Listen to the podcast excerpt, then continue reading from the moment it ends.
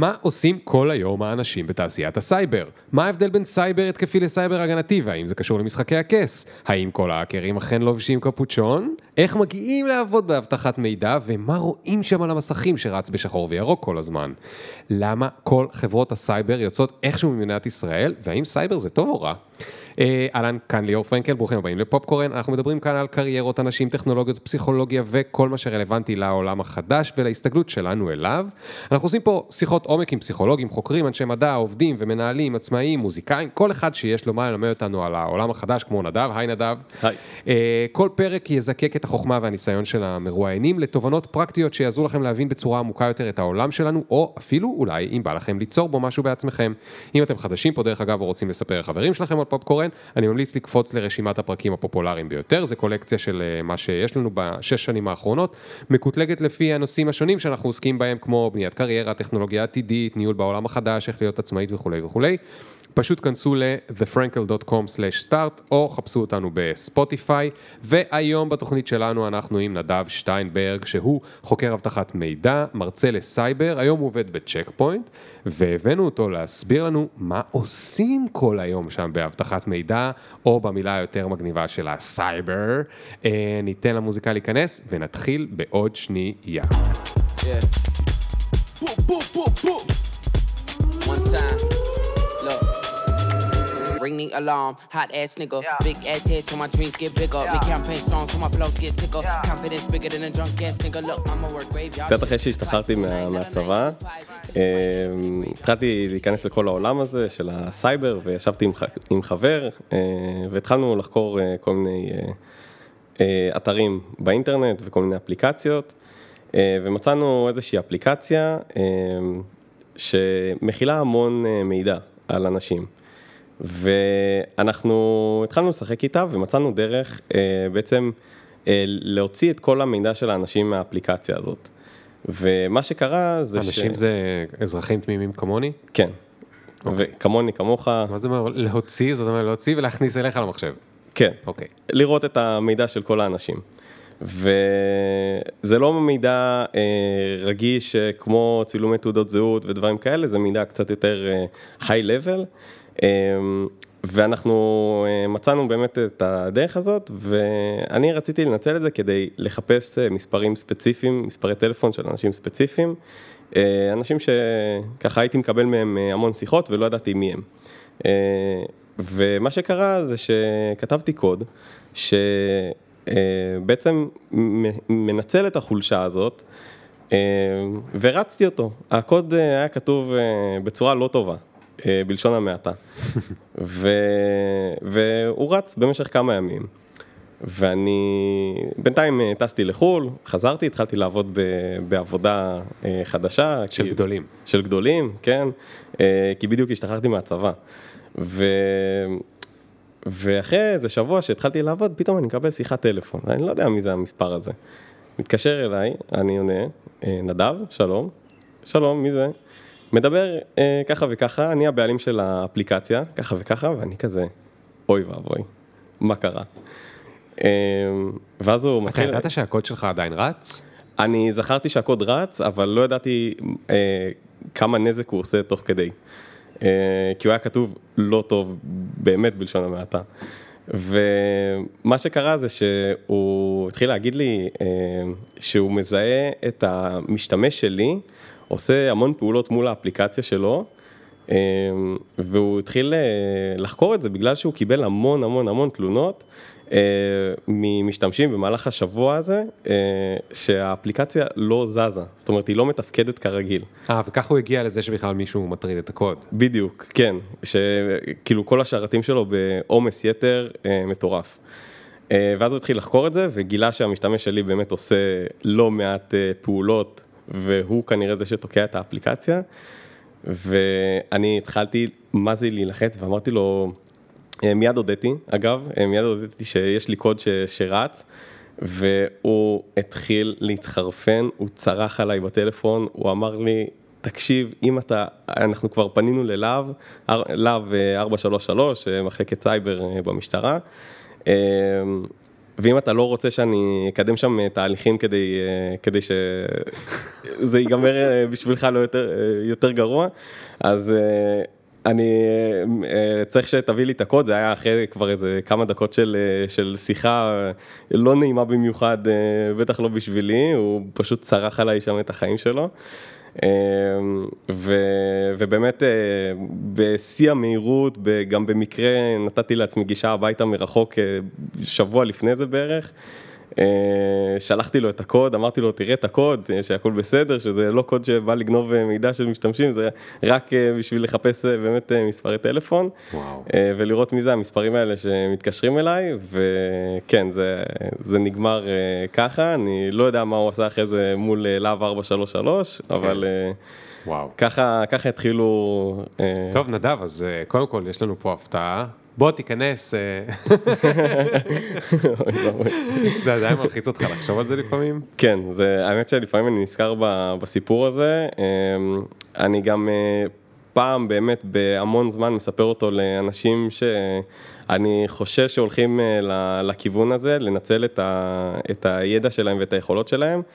כי באמת משהו שחשוב להבין, כשאתה מבין איך תוקפים ואיך פורצים לכל מיני דברים, אתה כמעט כל יום צריך להתעורר בבוקר ולקבל את ההחלטה הזאת, אה, להישאר בצד הטוב, בצד של הטובים, אה, ולא ללכת ולממש את הידע שלך כדי לפרוץ אה, בצורה לא חוקית ולא לא טובה לכל מיני כי מקומות בעצם בעולם. אני חושב נגיד על עצמי, אזרח תמים ורגיל, ואם עכשיו, אתה יודע, עצבנו אותי נגיד ביטוח לאומי, או דואר ישראל, או כל אחד זה, ויש לי את היכולות האלה, מה יעצור אותי אה, ללכת ול...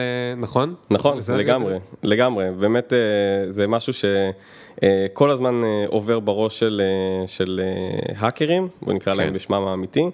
אה, ואנחנו האקרים הטובים, אלה שעובדים בתעשייה ולא אלה שפורצים עכשיו אה, לארגונים, כמו שאנחנו מכירים עם הפריצות לכל מיני חברות ישראליות על ידי גופים אה, כאלה ואחרים, הבלק שדו מאיראן וכל אלה. אה, אז אנחנו באמת צריכים להתעורר כל בוקר, או כל פעולה שאנחנו עושים, אה, ולבוא ולהגיד, אוקיי, אני לא אשתמש ביכולות שלי אה, כדי אה, לזרז בשבילי תהליכים, כדי לעזור לעצמי בחיים, ואנחנו צריכים לזכור שתמיד אנחנו, הגבול פה הוא מאוד מאוד דק בין, ה, בין הצד של הטובים לצד של הרעים, והמעבר יכול להיות בחצי שנייה אפילו. כן. אז קודם כל, אני אעזוב רגע את הדיון המוסרי על טוב ורע, כי הוא יהיה מסובך, ולא כן. ניכנס אליו, אבל זה אחלה הזדמנות רגע להסביר מה ההבדל בין סייבר התקפי לסייבר הגנתי. אז מה שהרגע תיארת זה מה שנקרא סייבר התקפי, נכון? אני נכנס לאיזשהו... אתה יודע מה, בוא. כן. אני לא מבין. אז אה, אוקיי, אז באמת אה, עולם הסייבר מתחבר, מתחלק לשני חלקים, לסייבר התקפי, סייבר הגנתי, לפחות מתחלק לשניהם באיזושהי צורת הסתכלות. אה, אז יש לנו סייבר הגנתי, אה, שזה, אה, יש שם גם תוקפים, אוקיי? גם בצד ההגנתי יש תוקפים. ואיך זה בא לידי ביטוי? למשל, אם עכשיו אני עובד באיזושהי חברה שרוצה לבדוק שהמוצרים שהיא מייצרת הם מאובטחים מספיק. אז מה, שאנחנו, מה שהחברה הזאת עושה, בעצם סוחרת האקרים, אם זה חברה חיצונית או שממש יושבים אצלה בתוך החברה. אה, ומה שהם עושים כל היום זה לחקור ולבדוק איך המוצרים שהחברה הזאת מייצרת אה, אה, פגיעים. אוקיי, בוא ניקח דוגמה שקל להתחבר אליה, נגיד שאני חברת סמסונג, ואני מייצר את הגרסה החדשה של המערכת הפעלה שלי. נכון. כאילו הם משתמשים באנדרואיד, אבל נגיד שהם שמים כן. על זה עוד איזה שהם משהו לייר של סמסונג, ועכשיו אני אסקור אנשים שינסו לפרוץ למערכת... בדיוק, נכון. אה, אז זה באמת דוגמה מעולה, שסמסונג אה, מעסיקה אה, גם עובדים חיצוניים, גם עובדים פנימיים, אה, שבעצם מנסים לבדוק איפה אה, יש חולשות אבטחה במערכת ההפעלה שלה, שאומנם היא מבוססת אנדרואיד, אבל הם מייצרים על, על האנדרואיד כל מיני פיצ'רים שלהם, אה, והם עושים אה, בעצם בדיקת אבטחת מידע על הפיצ'רים האלה ועל מכלול המערכת הזאת. כן. כדי אז חוץ מזה שהם עושים, אבל אוקיי, אז הם עושים את הבדיקות האלה, אבל בגדול, מה זה סייבר הגנתי? אוקיי, אז באמת סייבר הגנתי זה אה, באמת בשביל להגן על המוצרים, אוקיי, על מוצרים של אה, חברה מסוימת. וזה יכול להיות גם לא רק תקיפה, אלא גם ממש מוצרי הגנה, כמו למשל firewallים, שזה המוצר אולי הכי מוכר בעולם של סייבר הגנתי. יש מוצרים פחות מוכרים אולי לצופים, למאזינים שלנו, אבל יש מערכות זיהוי ומערכות ניטור ומערכות מניעה, ממש מניעה אקטיבית. אה, אז זה עולם עצום, ממש, כאילו מאות אלפי עובדים אה, מתעסקים ב, ב, רק בחלק של הסייבר ההגנתי המוצרים, אה, עוד לא מעט אנשים שעובדים בסייבר ההגנתי כתוקפים. כדי לבדוק האם ההגנות הן באמת טובות? בין היתר, כן. Okay. אוקיי. כדי לבדוק האם הפיצ'רים שפיתחו עכשיו הם מספיק מאובטחים, האם ההגנות הן מספיק מאובטחות כן. וכתובות טוב, איך אפשר לשפר גם, זה, זה עוד איזשהו אלמנט. וכן, אז כל הדבר הזה אה, זה סייבר הגנתי. אה, בצד השני יש לנו באמת את הסייבר התקפי. סייבר התקפי, אה, אנחנו ככה בשנתיים האחרונות התחלנו ככה לשמוע קצת יותר על חברות כאלה ישראליות, לדוגמת NSO, שמה שהם עושים זה ממש מוצר שהמטרה שלו זה לפרוץ לכל מיני דברים של אנשים אחרים. זאת אומרת, אני עכשיו איזושהי חברת סייבר התקפי. אני מייצרת מוצר שיודע נניח לפרוץ לכל הטלפונים בעולם, למשל, ואז אה, מספיק לי רק נניח לדעת מספר טלפון של אה, בן אדם מסוים, אה, בום, יש לו איזושהי תוכנה זדונית שלי על המכשיר שלו, וככה בעצם אני יכול לבצע עליו מעקב. אבל איך התוכנה הזאת הגיעה אליו? אז האמת שזו שאלה מעולה, כי יש כל מיני וקטורי תקיפה כאלה. אה, למשל זה יכול להיות אה, דרך אס.אם.אס, אז אה, מוצאים איזושהי חולשה, יודעים מראש נניח למשל איזה, איזה מכשיר טלפון יש לו, אז נניח יש לו אייפון, ומה שעושים זה בעצם לקחת את האייפון ואת האפליקציה של האס.אם.אסים, מתחילים לחקור אותה, מתחילים לראות מה אפשר לשלוח לבן אדם כדי שהחולשה, כדי, בעצם מה אפשר לשלוח לבן אדם כדי שתופעל איזושהי חולשה מסוימת שהם מצאו במהלך המחקר, והם יוכלו בעזרת החולשה הזאת אה, להתקין את הקוד הזדוני שלהם על המכשיר של הבן אדם. זאת אומרת, זה לא שהוא לחץ על איזשהו, זה לא שהוא, יש מה שנקרא אה, פישינג, נכון? נכון. שזה אתה מתחזה נגיד לרשות הדואר, ואתה כותב לי, היי ליאור, אה, תלחץ פה כדי לראות מה, איפה החבילה שלך נמצאת. נכון.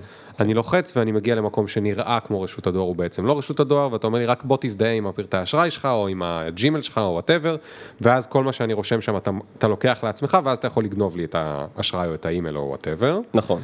אבל אתה, הרגע דיברת על משהו שאפילו בן אדם לא לחץ על לינק.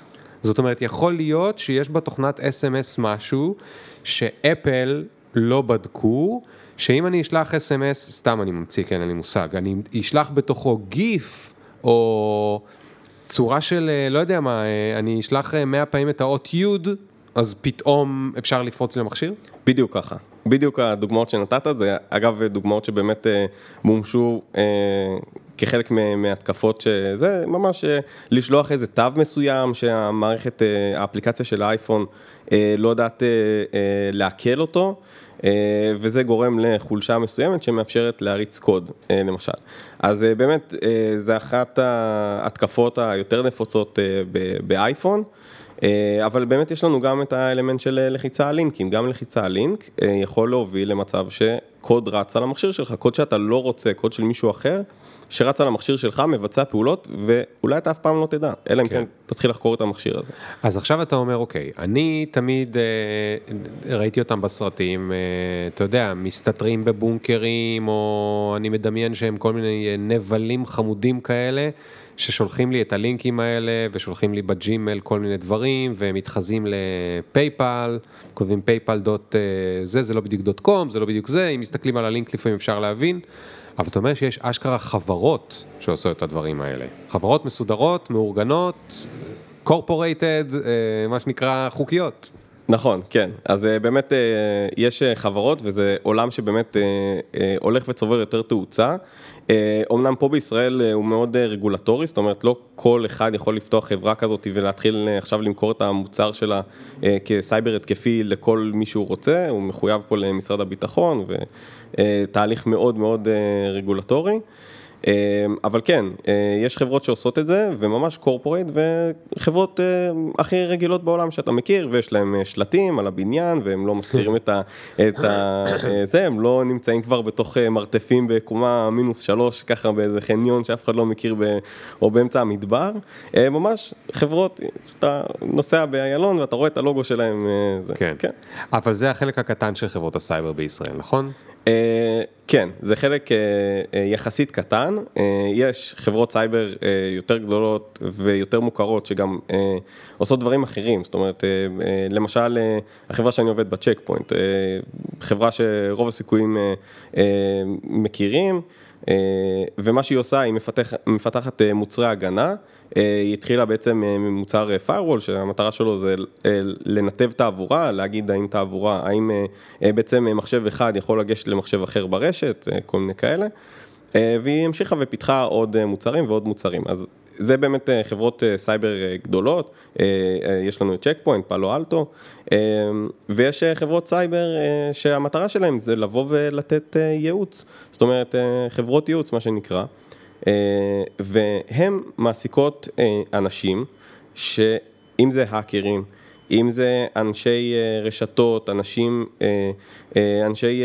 קוד, למשל, שיש להם אוריינטציה של סייבר, של security, והם בעצם באים לכל מיני חברות ועושים בדיקה. אה, למשל, אה, אה, האקר מחברה כזאת, מחברת ייעוץ, יבוא לחברה כמו בנק פועלים, יקבל איזשהו פרויקט, יגידו לו, בוא תבדוק עכשיו את אפליקציית ביט, בוא תראה מה אתה יכול לעשות כדי לפרוץ את אפליקציית ביט. אה, ובאמת, זה... זה איזשהו שיתוף פעולה שכבר המון שנים יש בין חברות כאלה גדולות מסחריות, בנק פועלים, מגדל, ובערך כל, כל אה, חברה אה, גדולה או אפילו בינונית אה, פלוס, אה, עם חברות ייעוץ אה, חיצוניות.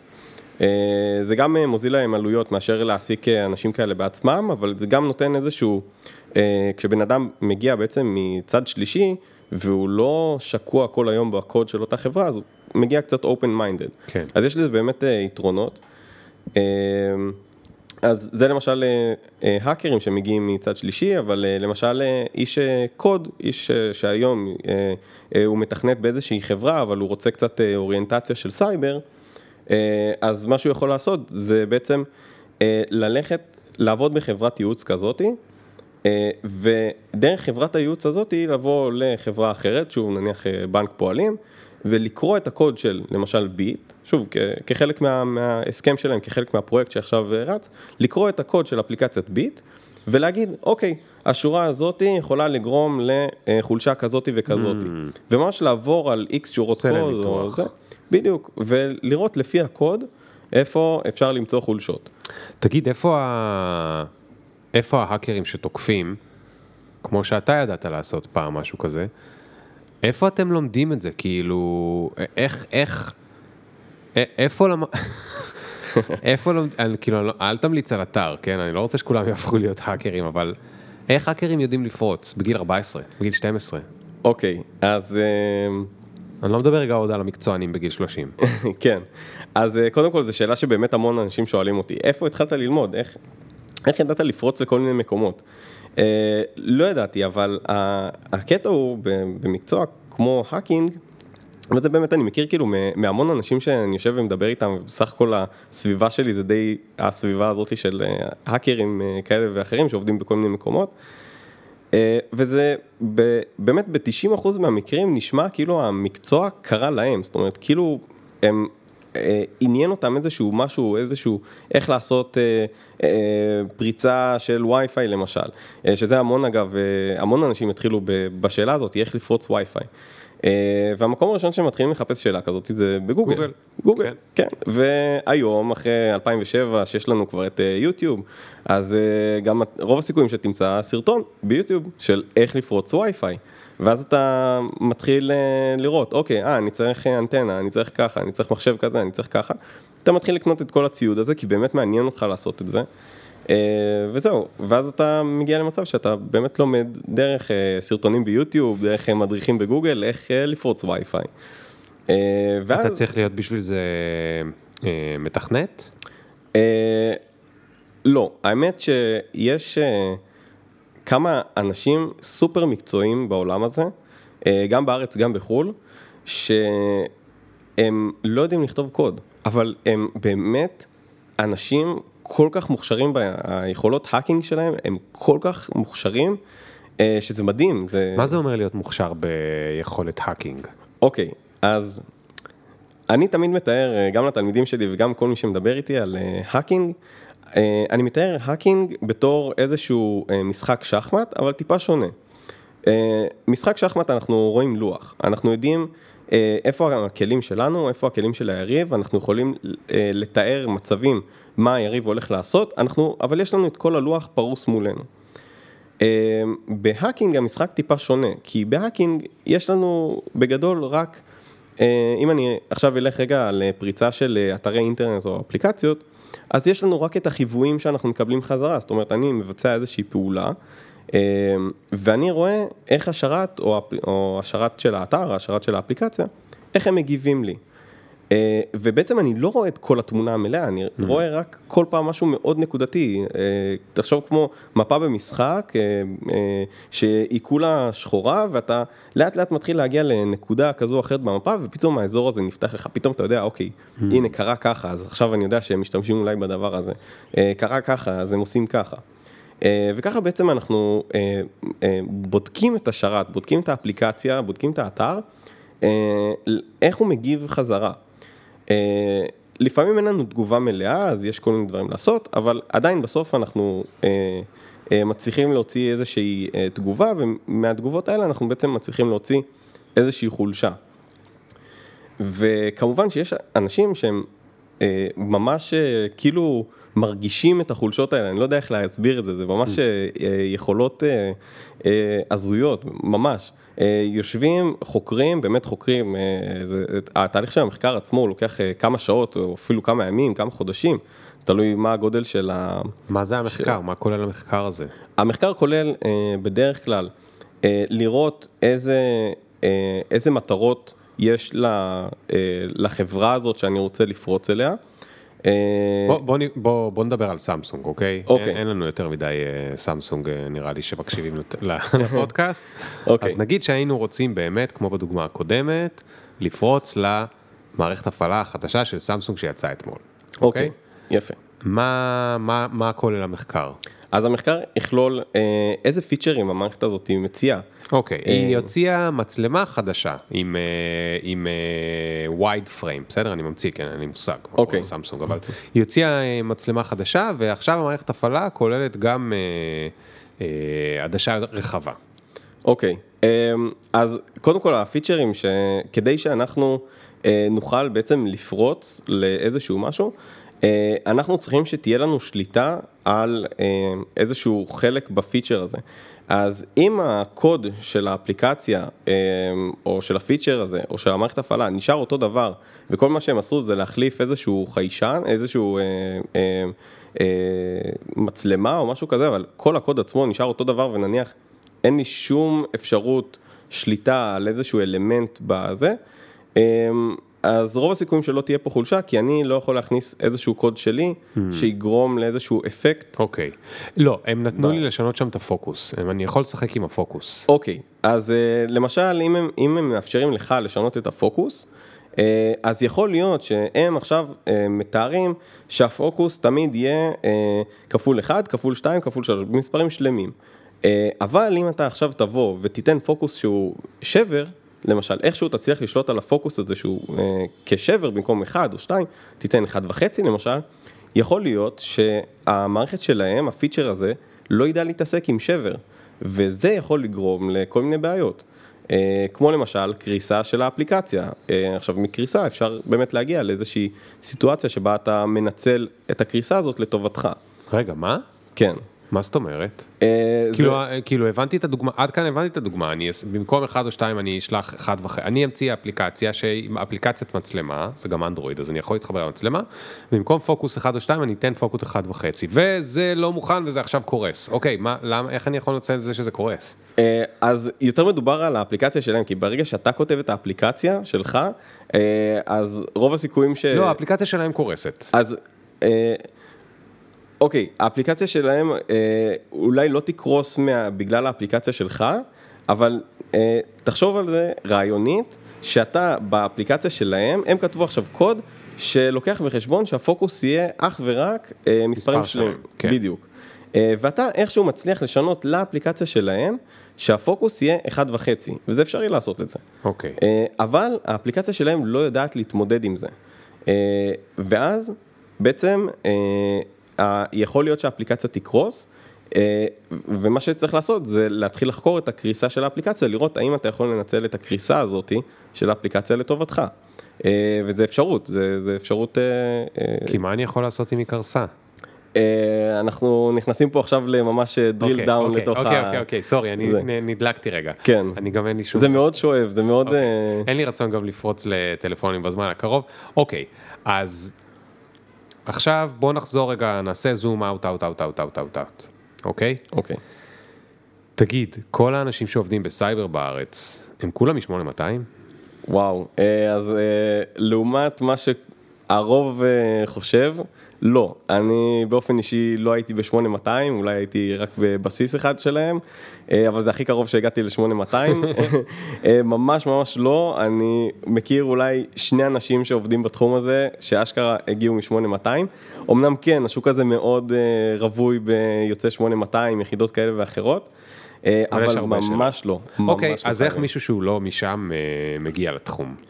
אוקיי, אז אה, קודם כל זה צריך למשוך אותו, זה, זה, הוא צריך, הוא צריך אה, איכשהו להיתקל בסיטואציה שהוא בכלל מכיר את הדבר הזה. אני יכול להגיד לך שקודם כל אני, כשאני השתחררתי מהצבא, לא חשבתי שיש מקצוע כזה בכלל, זאת אומרת, לא חשבתי שאני יכול ללכת ולעבוד בתור אה, האקר. אני אפילו לא ידעתי שזה משהו שאני אוהב כל כך. אבל יש לי חבר שבאמת סיפר לי שהוא גם, הוא לא ידע שיש מקצוע כזה בכלל, והוא פשוט התחיל ככה להתעסק ולשחק עם כל מיני דברים, אה, והוא נתקל פשוט באיזה מודעה באינטרנט שמחפשים אה, חוקרים, ואז הוא אמר, רגע, זה אותו דבר, זה מה שאני עושה? הלך, ניסה, אה, ובאמת התקבל לעבוד בתור האקר. גדול. כן, אתה קורא לזה חוקר, נכון. שם מאוד יפה, זה כאילו אתם חוקר. חוקר. אז אה, באמת השם המקצועי זה חוקר אבטחת מידע, כי אתה גם לא רוצה להסתובב כל היום עם הטייטל של האקר, זה- נכון. זה נותן איזו קונוטציה שלילית כזאת. נכון. אה, אבל, אבל באמת בגלל שאנחנו עושים את זה בצד של הגוד גייז, אז אנחנו באמת אה, חוקרים אה, את האבטחת מידע של מערכות, בין אם זה מערכות פנימיות של החברה, או בין אם זה מערכות חיצוניות. אה, אוקיי, אז הוא, סליחה, הוא ראה מודעה בעיתון, חוקר... אה, בפייסבוק, הוא ראה, כן, כן. סליחה, סליחה, זה היה, כן. מעשור אחר. אה, הוא ראה מודעה בפייסבוק, והיה רשום שם חוקר אה, זה, האם זה מה שאני עושה? כן, זה מה שאני עושה, ואז מה? ואז הולכים באמת לראיון עבודה, שואלים שאלות, שואלים אותך שאלות, ואתה יודע לענות, זאת אומרת, שואלים אותך, בדרך כלל ראיונות עבודה של חוקרי אבטחת מידע, בפן של התקיפה, יש שאלות על אה, התקפות, זאת אומרת, האם אתה מכיר את ההתקפות האלה והאלה, האם אתה יודע להסביר לי על ההתקפות האלה והאלה. אה, וגם אני, כשאני מלמד את התלמידים שלי, אני תמיד מלמד אותם באמת אה, להבין את ההתקפה עצמה, אה, כי בסוף, כש...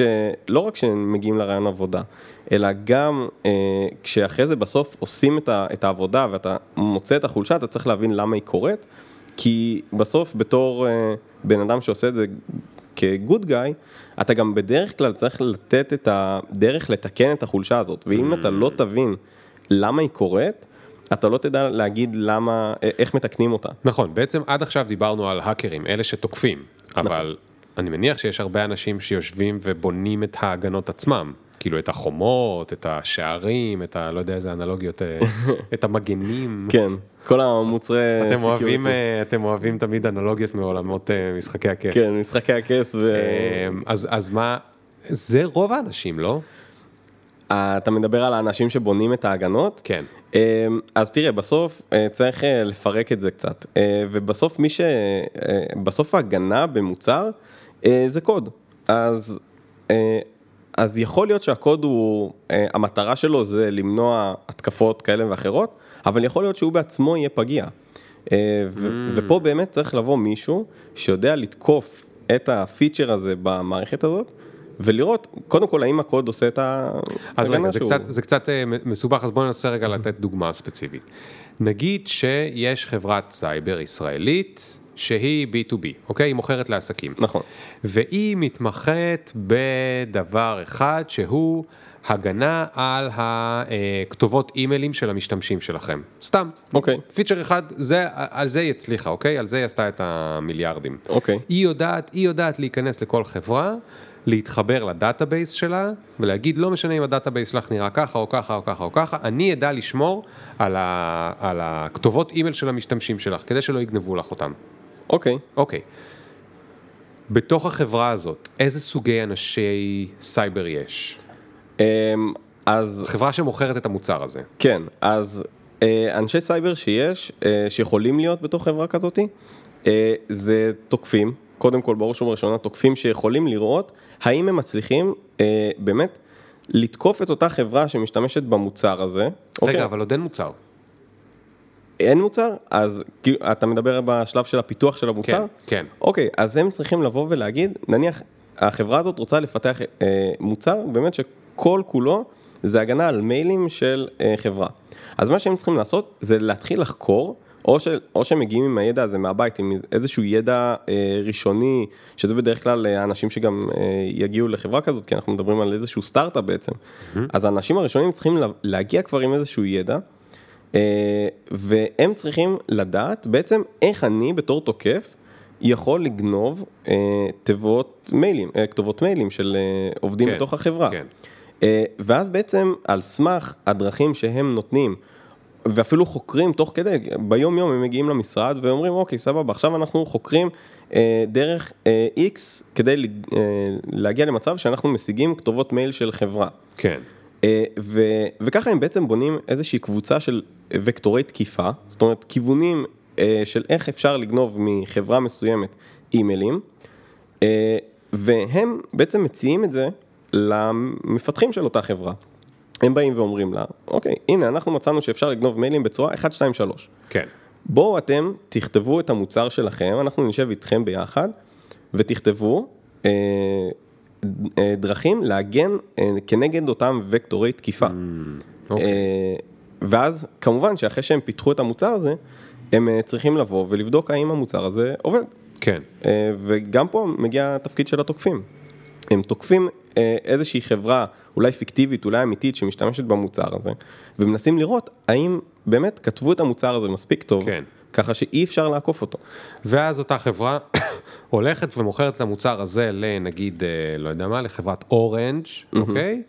ואורנג' מתקינה את זה שם, ובעצם כל הזמן צריך להמשיך לעדכן את המוצר, נכון? כי נכון. יכולות להימצא דרכים חדשים שבהם אפשר לתקוף ולגנוב את תיבות האימייל של משתמשי אורנג'. נכון, נכון מאוד, כן. אז אה, באמת, אה, לחברה כזאת שמפתחת אה, מוצר הגנה, אה, יש איזושהי אחריות, אוקיי? אה, יש אחריות תמיד לדעת איזה התקפות חדשות יוצאות, בטח בתחום שלה. אה, ולראות האם המוצר שלה אה, מספיק מאובטח ומספיק שומר על החברה שמשתמשת במוצר הזה. למשל עכשיו, חברה A שיצרה את המוצר הזה,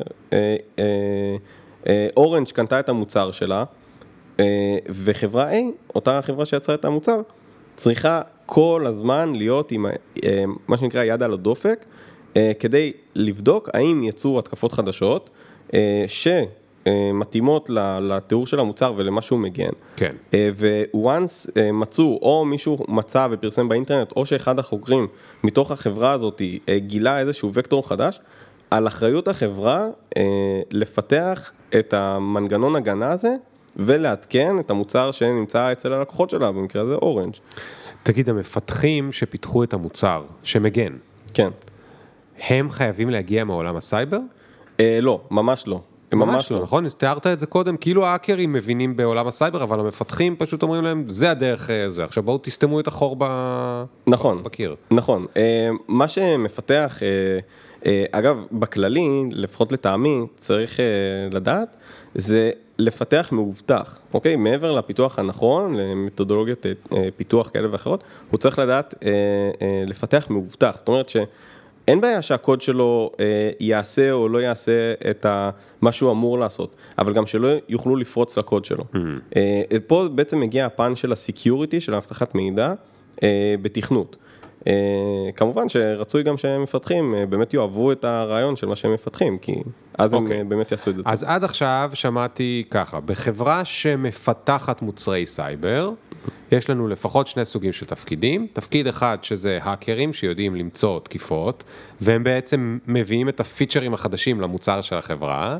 נכון. והמפתחים שהם לאו דווקא במקור הגיעו מהסייבר, למרות שאני מניח שבתפקיד השני והשלישי הם כבר נהיים יותר מומחים בסייבר, אבל הם לאו דווקא הגיעו מהעולם הזה.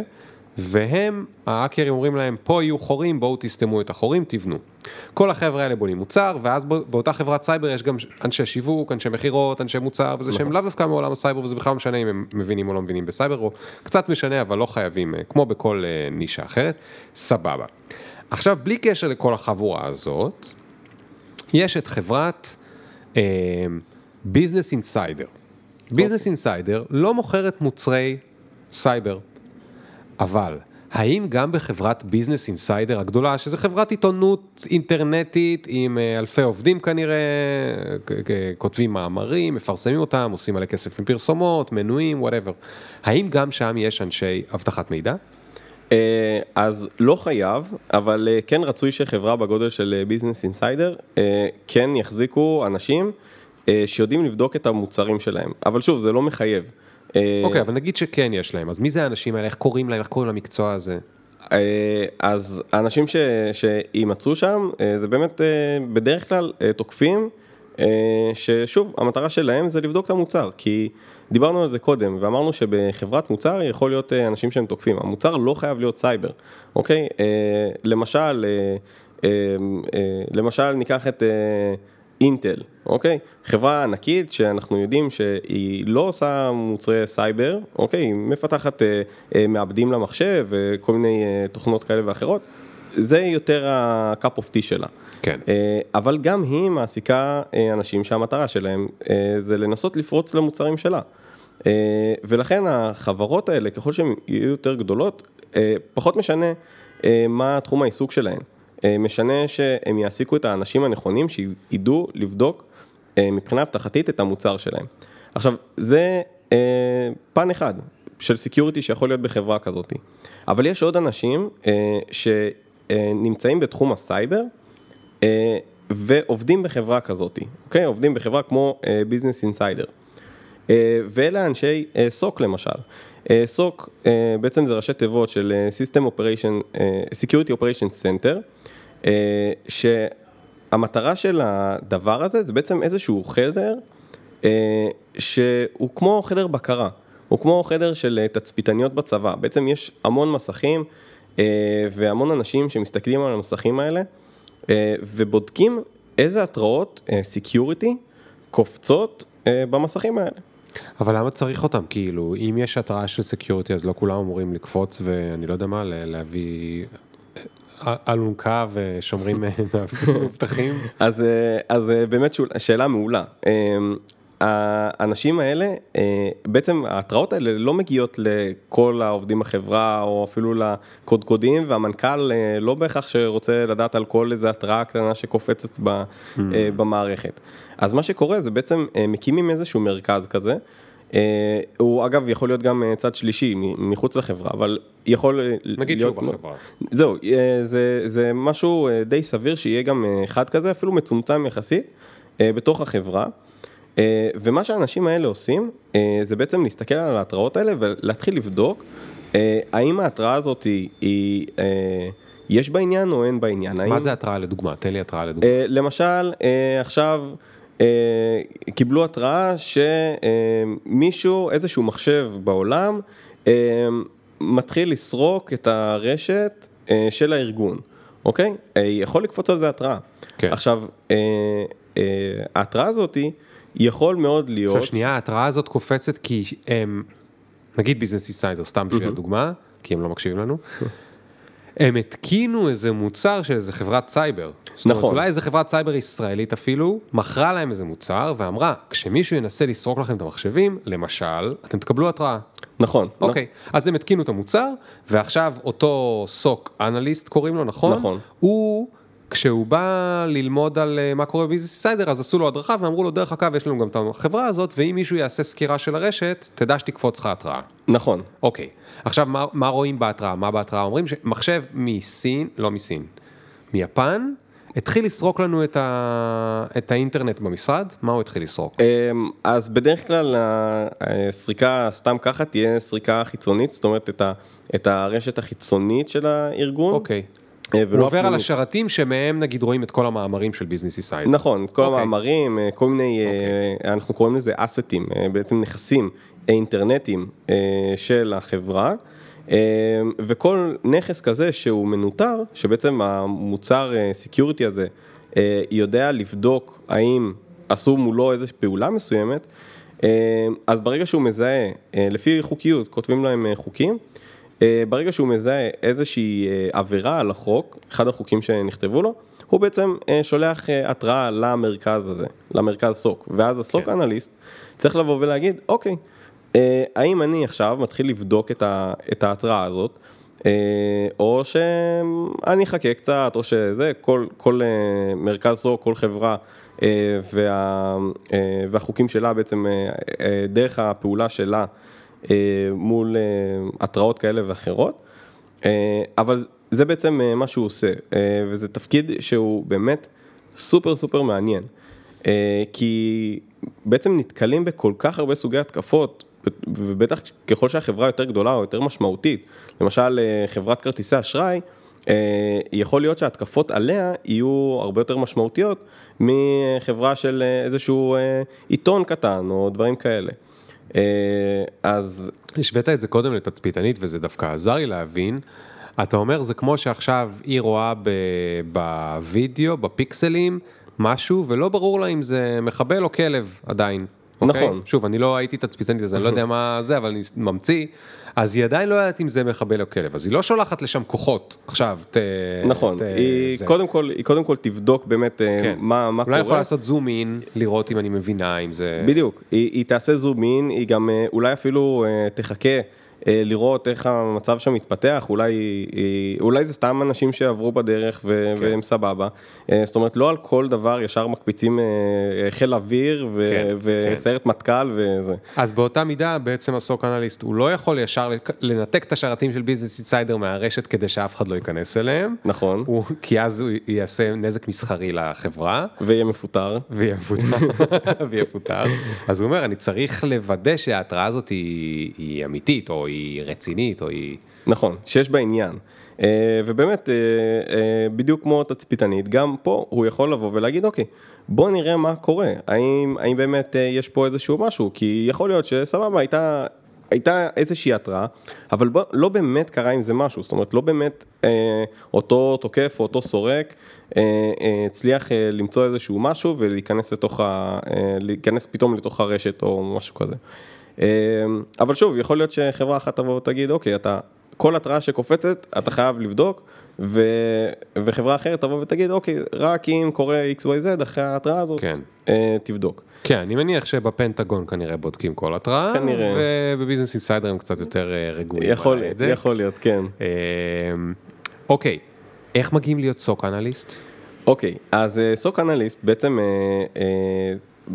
זה, זה מהתפקיד שכן צריך ללכת וללמוד אה, על מוצרים, אוקיי? צריך לדעת, להכיר את העולם הזה, צריך אה, אה, לעשות איזשהו קורס שלפחות מסביר לך על איזשהו מוצר שתיים, אה, ומה אתה הולך להיתקל בהיותך סוק אנליסט.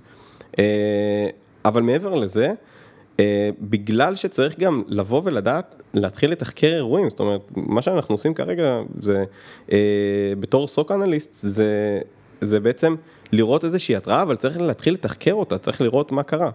אה, אז באמת צריך לדעת לתחקר אה, אירועים. עכשיו, זה יכול להיות אירועים על מגוון מאוד מאוד רחב אה, של מערכות הפעלה, של מוצרים, כן.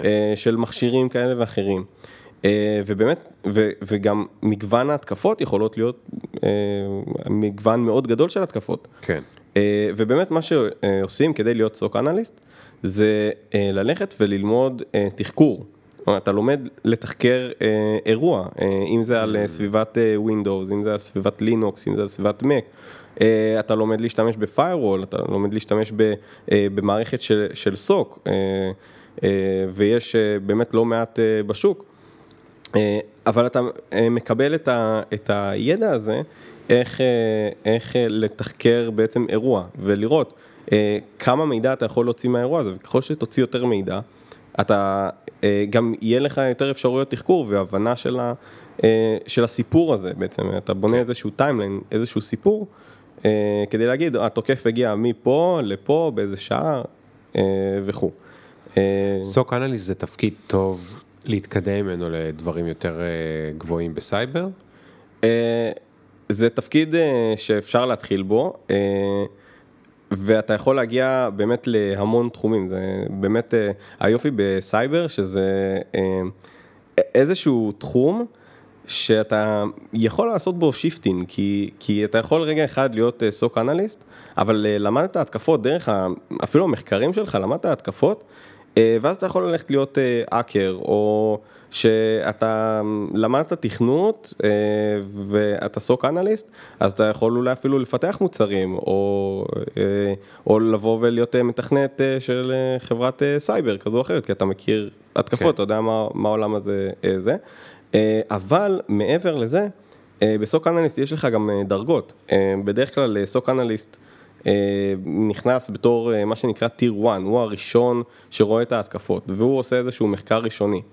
וככל שאתה מתמקצע יותר, אתה יכול להגיע לטיר 2, שזה מחקרים יותר מעמיקים. מה זה טיר 2? טיר 2 זה כאילו האחמ"ש של התצפיתניות? זה לא האחמ"ש, אבל זה מישהו שהוא יותר מקצועי מטיר 1, אוקיי? זאת אומרת, טיר 1 יודע לעשות איזשהו תחקור בסיסי. טיר 2 כבר יודע לחקור את אותו אירוע יותר לעומק. ואפילו יש לנו טיר 3. שזה בעצם מישהו שבאמת יודע לעשות drill down ולחקור אפילו מלוורים כאלה ואחרים והתקפות, הוא יכול למצוא פתאום שאיזשהו סורק פתאום אולי הגיע אפילו מאיראן, משהו שלא טיר 1 וטיר 2 אולי ידעו לעשות, mm. וכל מיני דברים כאלה. מה זה מלוור? מלוור זה מה שאנחנו מכירים בשפה היומיומית סוג של וירוס. ומלוורים באמת מחדירים לתוך ארגון כדי להשיג גישה על מערכות פנימיות של הארגון, או השתלטות. אז כשאני הייתי קטן, אבא שלי היה לוקח דיסקט לעבודה, הוא עבד בטכניון, אז נגיד, אני פעם שמתי לו וירוס על הדיסקט, ואז הוא הגיע לטכניון, וכנראה שהוא העביר את הווירוס לטכניון. אבל איך עושים את זה היום? אוקיי, okay, היום זה לא בהכרח רחוק ממה שתיארת פה כרגע. יש לנו בתור תוקפים דברים שנראים למשל כמו דיסק און קי ואנחנו נותנים למישהו כדי שיכניס את זה לארגון, בין אם הוא עושה את זה ביודעין ובין אם לאו. ובעצם ברגע שהוא מכניס את זה לארגון אז אנחנו מקבלים שליטה, הקוד רץ באופן אוטומטי. יש, אז יש את האפשרות הזאת. בתעשיות ביטחוניות נגיד, כשאתה נכנס בשער בודקים שאין לך שום דיסק און קי. נכון, נכון, באמת בתעשיות ביטחוניות בגלל המודעות שלהם לכל המצב הזה ומודעות שלהם להתקפות סייבר כאלה ואחרות וכל מיני דרכים לתקוף את הארגון, אז באמת הם אפילו יורדים לרזולוציות אחרות, לכסות לך את המצלמה ואתה יכול להיכנס רק עם טלפון שמאושר על ידם וכל מיני כאלה. מחשש לציטוטים וכל מיני דברים, שזה גם דרך לפרוץ לארגון, לצוטט לטלפון של מישהו מתוך הארגון. כן. אז באמת יש את זה, יש כמובן פישינג, דרך פישינג אני יכול להגיד לך, אוקיי, תיכנס לאתר הזה, עכשיו אתה צריך להוריד פה קובץ, בוא תתקין אותו, ולעשות לך... phishing זה הלינקים שמתחזים, נכון? נכון, אבל וב phishing באמת יש כמה מטרות, המטרה אולי העיקרית שאנחנו מכירים זה לגנוב כרטיסי אשראי, כמו שדיברנו קודם על, ה, על דואר ישראל, phishing של דואר ישראל, לגנוב כרטיס אשראי, כן, כן. והכל, אבל phishing גם יכול לבוא ו... לעזור לך בתור תוקף להשיג סיסמאות של הארגון, של עובדים בארגון, זאת אומרת, אתה עכשיו מציג איזשהו קמפיין phishing, זה השם המקצועי, מעלה איזשהו קמפיין phishing לעובדי משרד ה-XYZ, ואתה אומר להם, כרטיס סינימה סיטי בעשרה שקלים לעובדי המשרד. אה, וכל מה שאתם צריכים לעשות זה להיכנס ללינק הזה ו... אה, ולהכניס את הפרטים. ואז הם נכנסים, באמת רואים אה, אתר שהוא נראה של הסינימה סיטי, כרטיס של עשרה שקלים, בעשרה שקלים לעובדי הזה, וכל מה שהם צריכים לעשות זה רק להכניס את היוזרניים ופסוורד שלהם, של ה... של הארגון שלהם. ובאמת, זה אגב סיפור אמיתי ש, שעשינו בדיקה באחד המשרדים הממשלתיים. אה, ובאמת אה, ראינו, ראינו את המודעות שלהם אה, למצב, או את חוסר המודעות.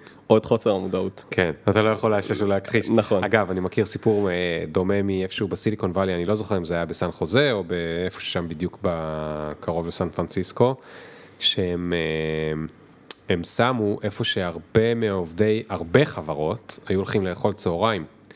אז יש היום במסעדות את ה-QR קוד, נכון, אז התפריט על QR קוד, הם שמו את התפריט על QR קוד, הם פשוט נכנסו למסעדות והחליפו את המשולש הזה שעומד על השולחן עם כן. ה-QR קוד, במשולשים משלהם עם QR קוד אחר. וואלה. ואז כולם נכנסו ללינק אחר שהיה בו את התפריט ועוד כל מיני דברים אחרים שצריך כן. להכניס פרטים ולהזמין ו...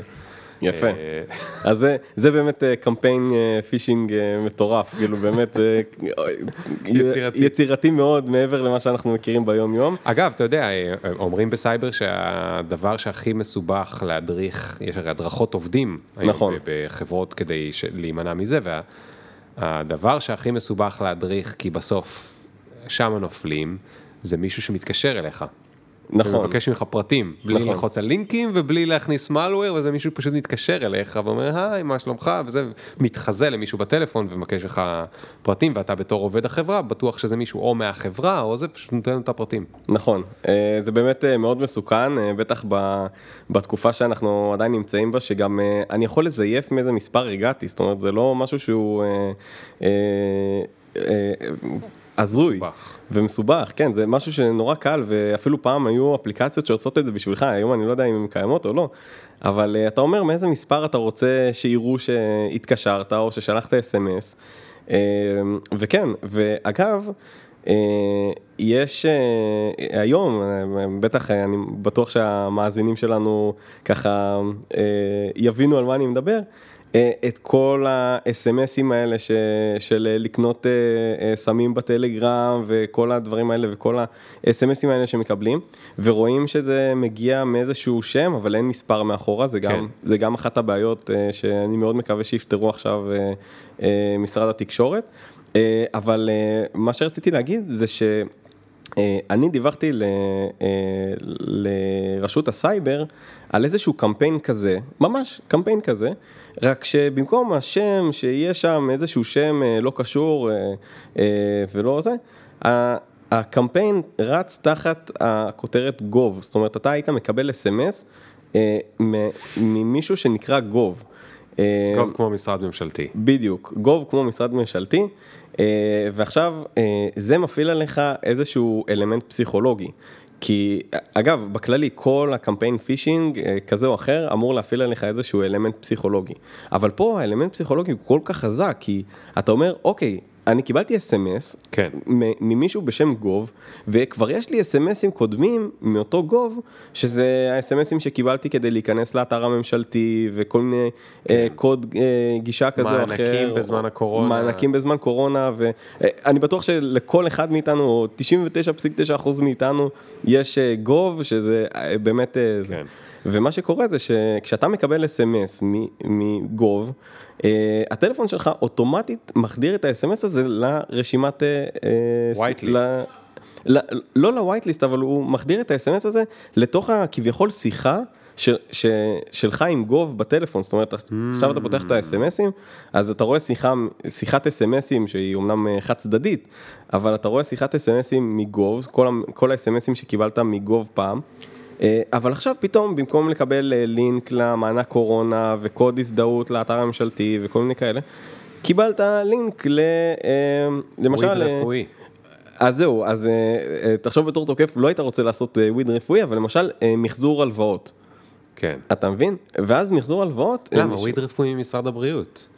אולי, אתה יודע מה אולי, אם, אם, זה, אם זה עובד, מה זה של משרד הבריאות? זה... אז, אז מעולה. אז, אז זה מדהים, זה מדהים, ותחשוב איזה אלמנט פסיכולוגי יש על הדבר הזה, שאתה כן. אומר, רגע, אבל קיבלתי את זה מגוב, כן. קיבלתי את זה מגוב, וזה לא זה. אז, אה, אז אה, באמת זה... יש לי מלא רעיונות יצירתיים, אבל אני לא רוצה להגיד שום דבר, לא לתת להם רעיונות, כי הם גם ככה כבר אה, נמאסו. כן, באמת יש, יש המון, והאמת גם בתור, בתור מישהו שעובד באבטחת מידע, אתה תמיד צריך להיות יצירתי, זאת אומרת, כדי, כדי לדעת איך, איך לתקוף מערכות, או איך להגן על מערכות, או, או איך לתקוף אנשים, או, כל, כל הדברים האלה, אתה תמיד צריך לשלב ממש יצירתיות של אה, אה, באמת כאילו אולי שחקן תיאטרון, אה, שצריך עכשיו להיכנס לתוך דמות ולתת את עצמו ו, כן. אה, והכל, כי אתה צריך לשים את עצמך גם בצד השני, ולראות, ולנסות לחשוב מה הצד השני חושב, איך הוא מרגיש כשהוא יקבל את ההודעה הזאת, כשהוא יראה את הדבר הזה, מה הוא יעשה. תגיד, הסוק אנליסט, הוא יושב לו בחדר בקרה והוא רואה כל מיני התראות. נכון. אבל מה עם מה שהוא לא מקבל עליו התראות? או, הרי אם המציאו פריצה מסוג שהיא לגמרי שונה, שאני אני לא יודע לדמיין אפילו, כי אני לא מהתחום, אבל פעם הייתי מהתחום בצבא, עבדתי הרבה עם הצוב, אז אם המציאו משהו שהוא לגמרי שונה, אני אפילו לא אקבל על זה משהו מהבהב, כי יבואו אליי דרך ה... לא יודע מה, דרך המאורה של הכלבים. נכון.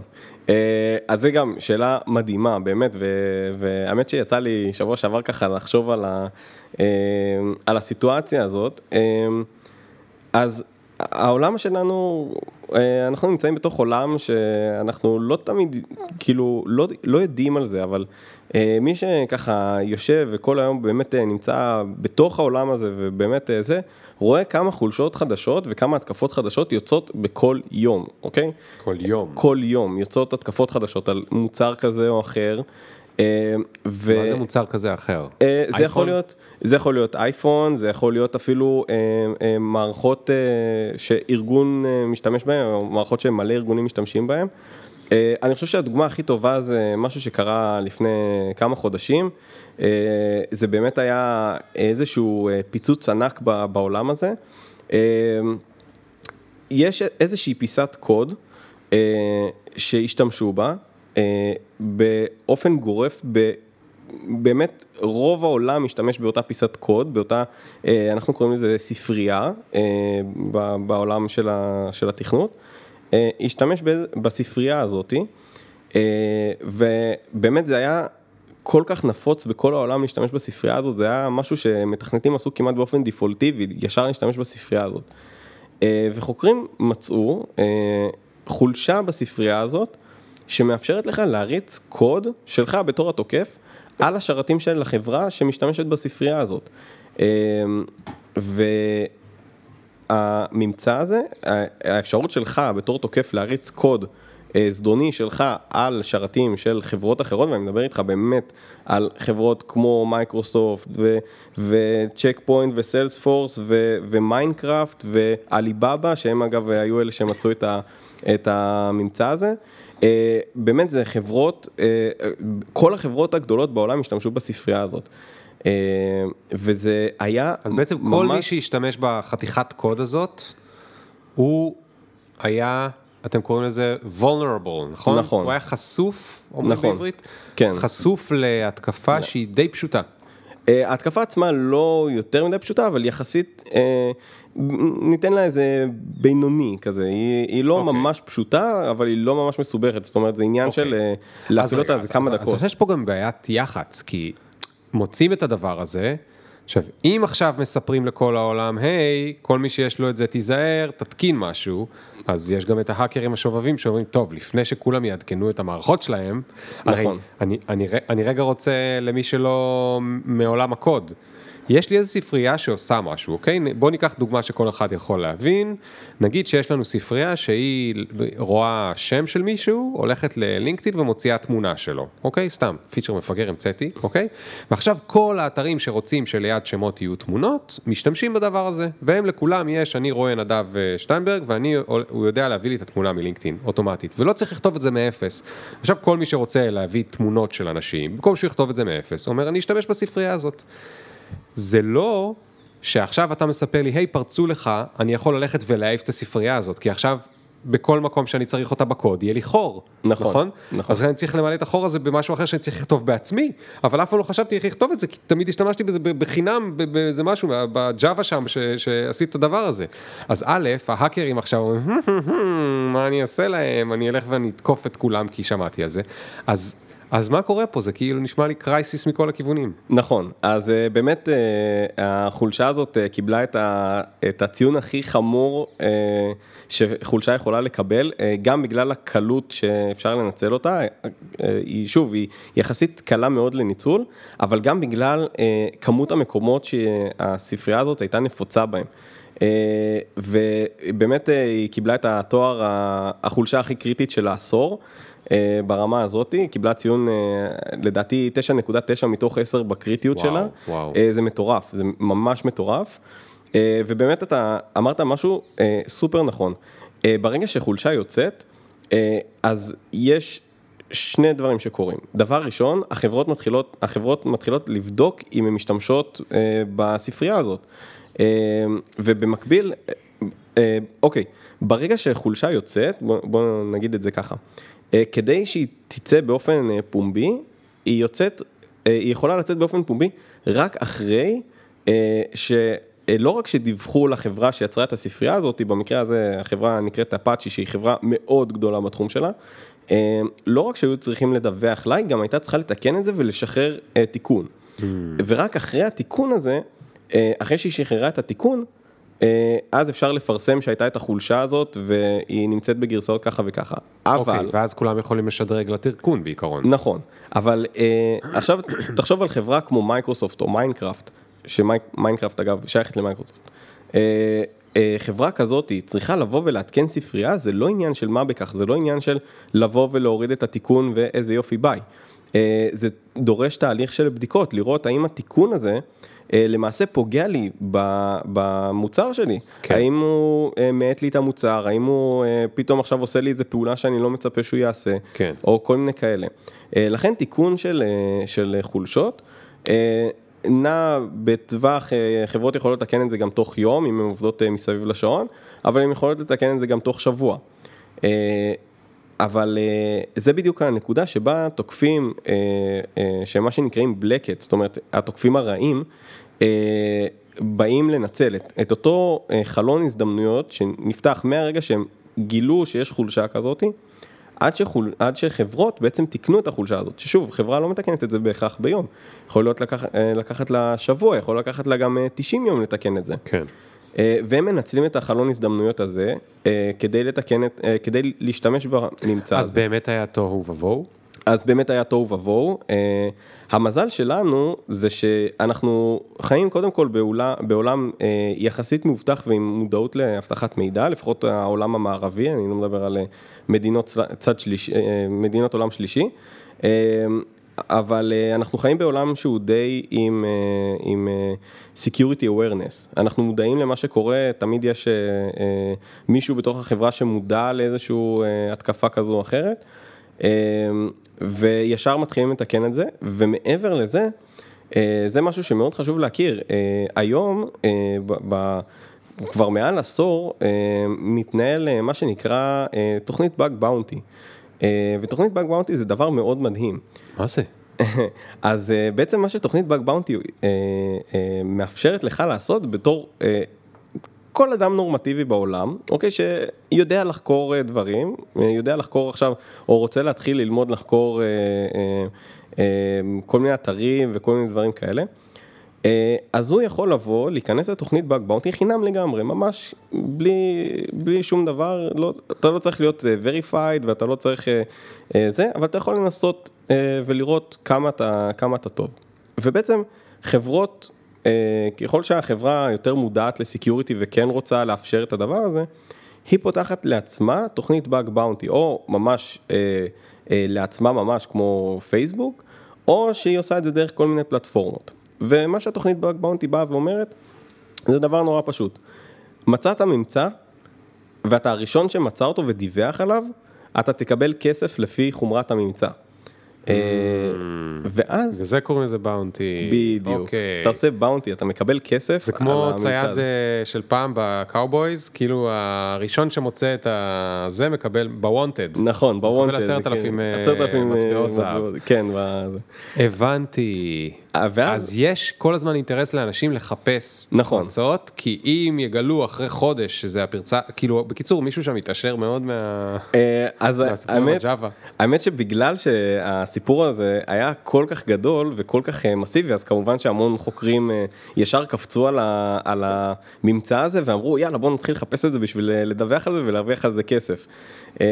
אבל מה שקורה ברוב החברות והם לא, לא היו מודעים לזה, זה שחברות לא מסכימות לקבל את זה, זאת אומרת באופן... אה, אה, אני לא יודע איך להגיד את זה, אבל באופן אה, אולי מוסרי כזה, וזה, לא מסכימות לקבל ממצא אה, אה, תוך 90 יום מהרגע שיצא לו, ה- מהצ- ברגע שיצאה החולשה הזאת. זאת אומרת, עכשיו אה, אפאצ'י למשל הוציאו את החולשה הזאת, או או אותו חוקר אה, אה, רשם החולשה או את התיקון? את החולשה. החולשה יוצאת אחרי שיוצא תיקון. אז, אה, אז ברגע שיצאה החולשה, כל חולשה מקבלת אה, מספר. אה, אחרי שזה פורסם הכוונה, נכון. לא יצא לקוד. לא, לא אחרי יצא... שפורסם ברבים, מצאנו את החולשה. בדיוק. אה, כן. איך זה עובד? התהליך הוא כזה, חוקר מוצא חולשה בספרייה הזאת למשל, הוא מדווח לחברה שיצרה אותו, אפאצ'י במקרה הזה, חברה מחויבת להוציא תיקון. החברה מחויבת להוציא תיקון, היא מוציאה תיקון, ותוך כדי שהיא מוציאה תיקון, אה, נרשם, החולשה הזאת נרשמת, מקבלת מספר, המספר הזה נקרא CVE, אה, שב, ומהרגע שהוא יוצא, מהרגע שיוצא ה-CVE, זאת אומרת, גם יצא כבר התיקון, אה, לחברות, החברות נותנות לעצמן אה, איזשהו גרייס טיים כזה. תנו לנו, אה, לנו החברות, לתקן את הממצא הזה, כי רק עכשיו אנחנו מודעים, אה, בעצם הם לא יכלו לדעת על זה לפני זה. כן. תנו לנו 90 יום בערך, אה, כל חברה לוקחת את זה קצת שונה, אה, מרבית החברות אה, לוקחות אה, 90 יום, איזשהו גרייס טיים. תנו לנו אה, לתקן את הממצא הזה, לראות איפה הוא נמצא אצלנו בכל הקוד, אה, ולתקן אותו. אחרי 90 יום, מצאתם אצלנו את הממצא הזה, בואו תקבלו כסף. כמובן, אם אתם הראשונים ש, אה, שמדווחים על זה, ובאמת זה ולידי. אה, אז באמת אה, מלא חוקרים אה, לא חשבו על הגרייס טיים הזה שחברות זה, התחילו לדווח, באמת עלו כל כך הרבה דיווחים לכל כך הרבה חברות על, ה, על הממצא הזה. והרוב באמת אמרו להם, החזירו להם תשובה, אנחנו בדיוק עובדים על זה, אנחנו בגרייס טיים של ה-60 יום, 90 יום, חודש, כמה... זאת אומרת, הם דיווחו על חברה, נגיד בפייסבוק, אבל פייסבוק אמרו, אנחנו כבר יודעים. אה, לא אנחנו- גילית לנו את זה. אנחנו יודעים, אולי אנחנו לא יודעים על המיקום הספציפי הזה שדיווחת עליו, כי בסוף זה מגיע באיזשהו אה, עמוד ספציפי או. או, או איזשהו אה, משהו ספציפי, אז אולי אנחנו לא יודעים שם עדיין, אבל תן לנו 90 יום לבדוק. אגב, אה, תודה רבה על זה, עכשיו אנחנו יודעים שיש שם ואנחנו לא נשלם טוב, לך. הבאג באונטי הזה לא נשמע לי משהו. האמת שבאמת, קודם כל, יש אנשים שחיים על באג באונטי בעולם, אה, אנשים פשוט לא עובדים וכל מה שהם עושים זה באג באונטי והם עושים מיליונים. אה, אנשים אפילו בני 19 בעולם שככה אה, עושים מיליונים, באמת מיליונים. אה, סתם לסבר את האוזן, ככה, אה, לאחרונה יצא ממצא ממש לפני איזה חודש וחצי, דווקא בעולם של הקריפטו. הבאג באונטי עם התשלום הכי גדול, זאת אומרת הבאונטי הכי גדול ever. אה, והוא היה 10 מיליון דולר לבן אדם אחד. שמה הוא מצא? אה, הוא מצא דרך, אה, אה, ל- אה, איזושהי חולשה במנוע של איתריום. אה, כדי לגנוב כסף מאנשים, Mm. אה, ואמרו, טוב, במקום שהוא עכשיו יתחיל לגנוב אה, מיליארדים ואנחנו נפסיד את המיליארדים האלה, בוא ניתן לו באונטי די גדול, כי גם החולשה הזאת באמת, זה היה, הוא פרסם על זה מאמר עצום. אה, אה, אה, ורק דרך המאמר אתה רואה כמה זה היה מורכב החולשה הזאת, כמה היא מורכבת, אבל בסוף זה משהו שהוא ולידי, שאתה יכול כן, לעשות אותו. כן. אז באמת הוא קיבל את הבאונטי הכי גדול בעולם, לבן אדם אחד, 10 מיליון דולר. וואו. וזהו, והוא עכשיו לא, לא צריך לעבוד נראה לי. תגיד, אפשר לשאול אותך שאלה פילוסופית? כן. נשמע שזה מלחמה שבה כולם כל הזמן הופכים יותר חכמים מכל הצדדים, יותר יצירתיים, גם בהגנות, גם בהתקפות, ממציאים דרכים כאילו ל... זה כמו מה שהיה בזמנו עם הגרעין, כאילו הצוללות והזה, ואז הם מתחמשים, מתחמשים. יהיה לזה סוף, או כאילו מה, מה, מה הולך להיות? אוקיי, אה, אז זו באמת שאלה סופר פילוסופית, אה, שאנחנו תמיד אה, דנים בה, אה, כל הזמן היא עולה. אבל אני חושב שיש משהו שמאוד מתאר את, ה, את הסיפור הזה בצורה קצת שונה. כל מנעול יש לו מפתח, אבל כל מנעול אפשר לפרוץ גם. ובגלל זה, אם אנחנו נלך בגישה הזאתי, קודם כל אנחנו נדאג לאבטח את עצמנו יותר, אה, אבל מצד שני תמיד ימצאו חולשות אבטחה כן. חדשות. לכן אני לא חושב שזה ייגמר, זה כל הזמן יהיה עוד יותר מתוחכם ועוד יותר מתוחכם ועוד יותר מתוחכם, אה, ולדעתי אין לדבר הזה סוף, כי תמיד אפשר לפרוץ את זה. אז, אז, וואו, איזה מטורף. אתה, אוקיי, יש לי שאלה. אתה וחבריך, אתם יותר פרנואידים בגלל שאתם יודעים את מה שאתם יודעים? או פחות פרנואידים? וואו, אה, אתה יודע, זה כמו לשאול רופא, אתה יודע על כל הדברים שיכולים להתקלקל לנו בגוף, אתה אתה כן. ישן פחות טוב או יותר טוב בלילה? אה, רופא ספציפית הוא לא ישן, כי הוא עייף, כן, אז- הוא כנראה ישן טוב, אבל מה איתכם? אוקיי, אז אה, אני חושב שאנחנו טיפה יותר מודעים, מהאדם הממוצע, טיפה יותר מודעים ל- למה קורה בעולם, ואם עכשיו אה, הבן אדם הממוצע, למרות שהבן אדם הממוצע היום קצת יותר מודע גם, אבל הבן אדם הטיפה פחות ממוצע, יראה לינק, ייכנס אליו, יראה שזה של הדואר הכניס פרטים, אנחנו נתחיל לחקור את האירוע הזה ולראות האם זה באמת דואר ישראל, או שזה משהו אחר, אנחנו לא נכניס את הפרטים שלנו סתם ככה. אה, ואנחנו מעבר לזה, אה, אני מכיר אנשים, אגב, אני ביניהם, אנחנו משתדלים אה, שלא יהיו לנו אפליקציות מיותרות על הטלפון. אה, זאת אומרת, למשל, אני אה, כבר למעשה, לדעתי, 3-4 שנים, אין לי את האפליקציה של פייסבוק על הטלפון, בגלל כל מיני דברים כאלה ואחרים, כי אני מניח שיכולה, בעזרת היותה אפליקציה על הטלפון, לעקוף כל מיני מערכות הגנה, כל מיני דברים כאלה. אה, והיה גם את הניסוי אה, אבל זה מטורף, אתה לא- אתה לא סומך על פייסבוק שהיא כאילו החברה הענקית, האדירה והזה. אה, קשה לי, קשה לי לסמוך על זה, כי אה, בסוף בחברות שאנחנו לא משלמים להן, אוקיי, ולפייסבוק אתה לא משלם, אתה זה, אז יש משפט שאומר שברגע שאתה לא קונה את המוצר, אתה המוצר בעצמך. אה, וזה נכון אה, לפייסבוק, לטיק טוק, לכל ה... לכל ה... אה, זה, בדיוק, זה נכון לכל הזה, הן צריכות להתפרנס ממשהו, ואם הן לא מתפרנסות מהכסף שאתה נותן להן, אז הן מתפרסמות ממה שהן מוכרות עליך. ולכן אתה לא תמצא בטלפון שלי אפליקציות מהסוג הזה, לא רק פייסבוק. אה, וואטסאפ אה, אולי כן, למרות שגם את וואטסאפ נטשתי כבר אה, לפני שנה וקצת, אני רק בטלגרם ו-iMessages, אס.אם.אסים. אה, אבל כן, זה, זה איזשהו מצב כזה של, אני לא רוצה להגיד פרנויה, אבל הבנה של מה יכול לקרות מאחורי הקלעים, כן, לאן המידע המטריקס. שלי זה. אגב, עוד, עוד, עוד משהו שהוא לא כזה פופולרי, הוא אולי מתחיל לצבור קצת תאוצה, אני לא משתמש בגוגל. אני, זה אולי יישמע קצת אה, מוזר למי ששומע אותנו עכשיו, אה, אני לא משתמש בגוגל, אני משתמש בדק דק גו, שלא מוכר את הפרטים שלך, לא משתמש בפרטים שלך כמו שגוגל אה, משתמשת. כן. אה, אה, למרות שעכשיו אה, בדיוק אה, שבוע שעבר אה, גילו שדק דק גו מעבירה את המידע למייקרוסופט בהתאם להסכם שהיה להם, אבל הם חותרים לזה ש... אה, גם, שגם את זה לא לעשות. למי שלא מכיר זה מנוע חיפוש שכאילו מתהדר בזה שהוא לא שומר עליך פרטים בניגוד לגוגל. נכון, שנים שאלו את הבעלים שם, ממה תעשה את הכסף?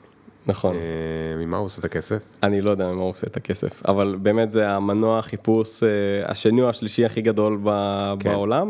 אה, והוא, הסיבה שהוא מעביר פרטים למייקרוסופט, ושוב, הוא מאוד לא רוצה, הוא מאוד חותר, לפחות לפי מה שהוא אומר, לתקן את המצב הזה, זה בגלל ש-DuckDuckGo אין לו את היכולות חיפוש כמו של גוגל, זאת אומרת, כדי למצוא תוצאות כמו שגוגל מוצא ולתת איזשהו fight לגוגל.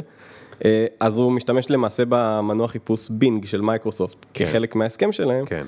ובתמורה הוא נותן איזשהו אה, מידע על, אה, על משתמשים במנוע חיפוש שלו, לא, או שזה לא בתמורה, או שזה כדי לעשות את החיפוש טוב, אז הוא צריך להעביר כל מיני דברים.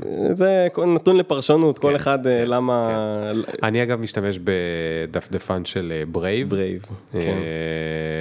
שמצד אחד אמור לחסום, לא לשמור וכולי וכולי וכולי וכולי.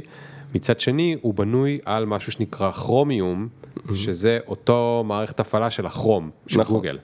אז אני יודע שהוא חוסם לי כל מיני JavaScript ופופ-אפים וכל מיני דברים כאלה, אבל הוא בנוי על כרומיום, אז אני תוהה עד כמה הוא באמת חוסם לי את, ה... אמ, את הגישה למידע שלי. אז אה, אה, למי שלא מכיר אה, כרומיום זה באמת מנוע של דפדפן, הוא open source-י, זאת אומרת כל אחד יכול לקרוא את הקוד שלו ולייצר דפדפן על סמך המנוע הזה. אה, ואפשר לעשות בו שינויים, זאת אומרת יכול להיות שברייב שהם יצרו את הדפדפן שלהם ביצעו בקוד של כרומיום שינויים. אה, אבל fun fact למי שרוצה לדעת, אה, מייקרוסופט הוציאה דפדפן חדש, היה להם שנים את ה-Internet Explorer, והם אה, בווינדוס 8 או 10, אני לא זוכר, אה, אה, הוציאו דפדפן חדש שנקרא Edge. נכון. אה, והאדג' בנוי על כרומיום. מה? כן. של גוגל? של, אה, אני לא בטוח אם הוא של גוגל או לא כרומיום, אבל אה, הוא בנוי על... כמו אה, לשאול אם אנדרואיד אה, של גוגל או לא. אז זהו, אני חושב שאני לא, לא מכיר את ההיסטוריה של, של כרום עצמו וכרומיום, אבל אני יודע שהם לקחו את איזה אה, קטעים. זה. כן. לא הם- ידעתי, לא ידעתי. טוב, נדב, תשמע, זה היה מרתק. בזמן שהיינו פה, העורך שלי אה, לקח את הטלפון שלך, שחר בוא תיכנס, תביא לו את הטלפון חזרה. התחברנו אליו עם ארץ 232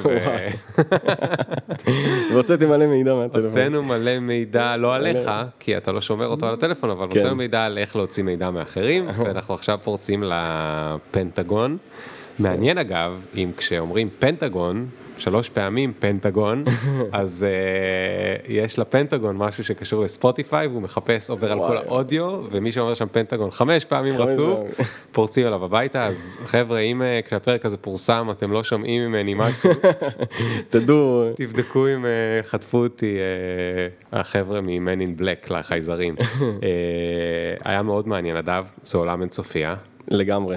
אה, מרתק.